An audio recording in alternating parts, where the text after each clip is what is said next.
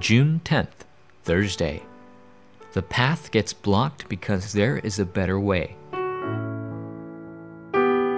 Acts chapter 16, verses 6 through 10. Paul and his companions traveled throughout the region of Phrygia and Galatia, having been kept by the Holy Spirit from preaching the word in the province of Asia.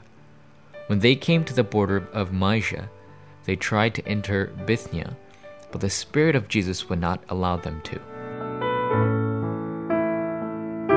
When the path is blocked, people struggle to get through the obstacle, or they may give up and back down. As God's children and evangelists, however, there is no need for us to do such things.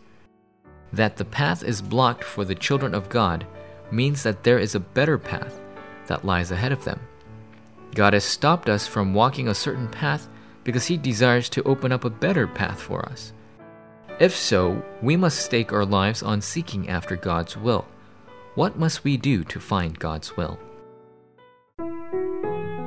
Number one, we must get rid of impatience. The quickest way to have our problems resolved and enjoy blessings is to rid ourselves of impatience. Abraham waited 25 years and Jacob 21 years. As he was waiting 13 years, Joseph witnessed blessings being fulfilled. If perchance the path that we are walking on is blocked, we must not think in a hurried manner. If we remember the covenant and wait as we pray for God's kingdom to be established, we will see everything differently, and great answers will be given to us. If God's kingdom comes upon our field, the problems will work for the good of the gospel and evangelism.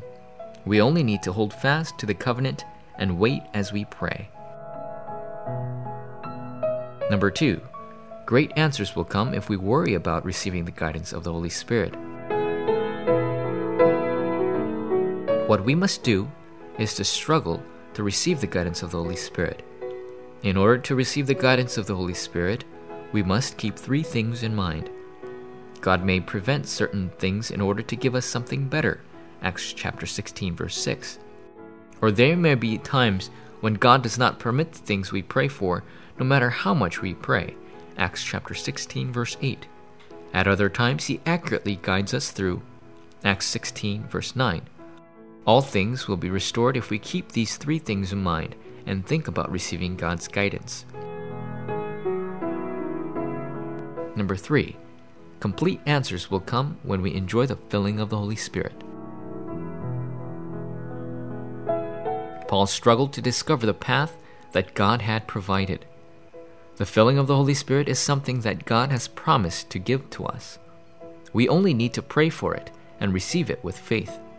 If we hold to this covenant and confess that we need the filling of the Holy Spirit in our lives, God will surely grant it to us. We only need to grab hold of the filling of the Holy Spirit through scheduled worship and scheduled prayer and surrender everything else.